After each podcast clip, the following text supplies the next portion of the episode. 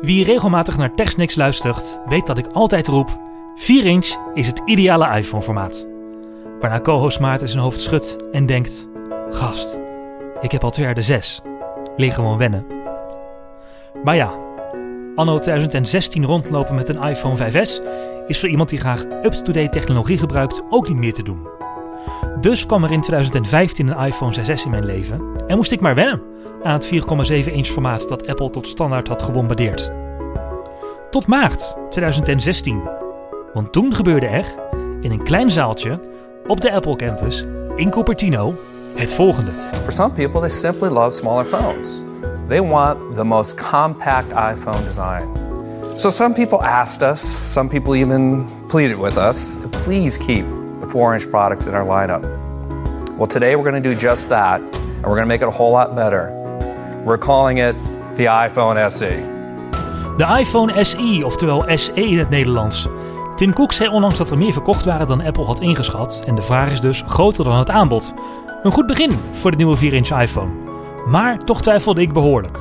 En gelukkig stelde Apple een review-exemplaar beschikbaar waar ik nu twee weken mee rondloop. Het is tijd voor een antwoord op de vraag: To SE or not to SE?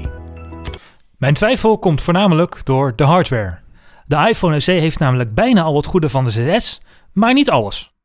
De A9-chip, 2 GB RAM en de camera zijn even goed, maar 3D-touch ontbreekt en ook de vingerafdrukscanner, Touch ID voor de kenner, is nog van een oude generatie. En met 4G LTE Plus hou je de helft van de snelheid van een iPhone 6S. En ook aan de buitenkant is het geheel niet zo bijzonder. Het is gewoon een iPhone 5 of een iPhone 5S met nieuwe hardware. En het ontwerp stamt uit 2012 of 2013. Het enige verschil zijn de randjes. Die zijn nu niet meer glimmend, maar verder is de telefoon identiek. Maar toch is dat ontwerp geweldig. Smaak is persoonlijk, maar ik vind het een stuk mooier dan het ontwerp van de 6 en de 6S. En de eerste keer dat ik de iPhone SE vasthield, viel me direct op dat 4 inch eigenlijk wel een super fijn formaat is. Ik was het bijna vergeten.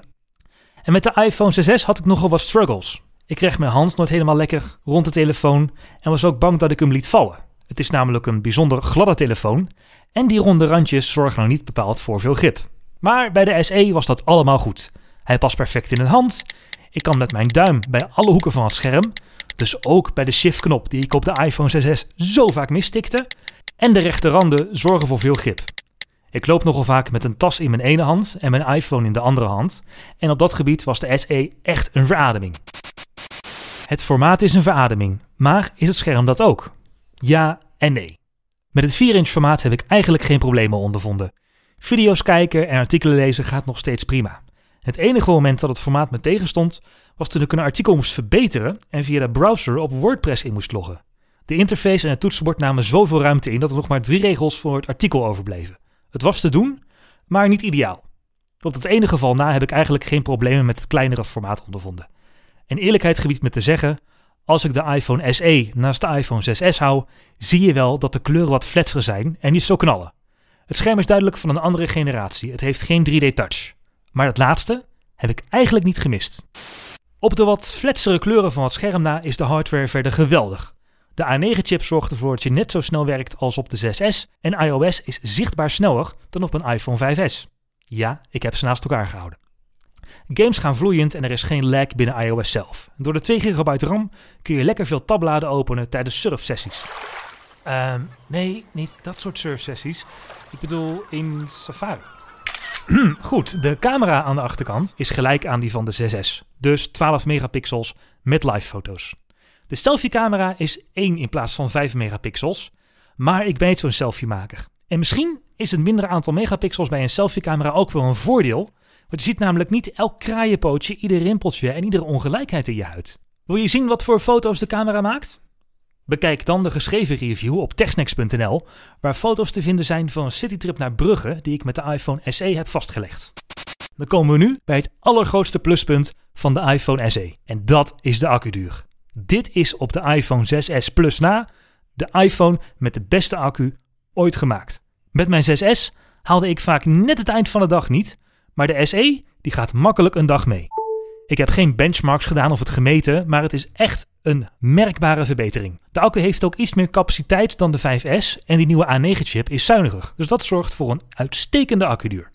En wil je de exacte accupaciteit weten? Bekijk dan de geschreven review op techsnacks.nl, waar ik het aantal milliampère-uur van de accu van de iPhone 5, 5S, SE, 6 en 6S op een rij heb gezet. Maar moet je hem nou kopen, die iPhone SE?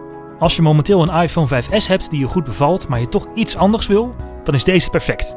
Koop hem wel nu, want Apple gaat de SE waarschijnlijk niet ieder jaar updaten. Je hebt er dus nu echt het mee staan.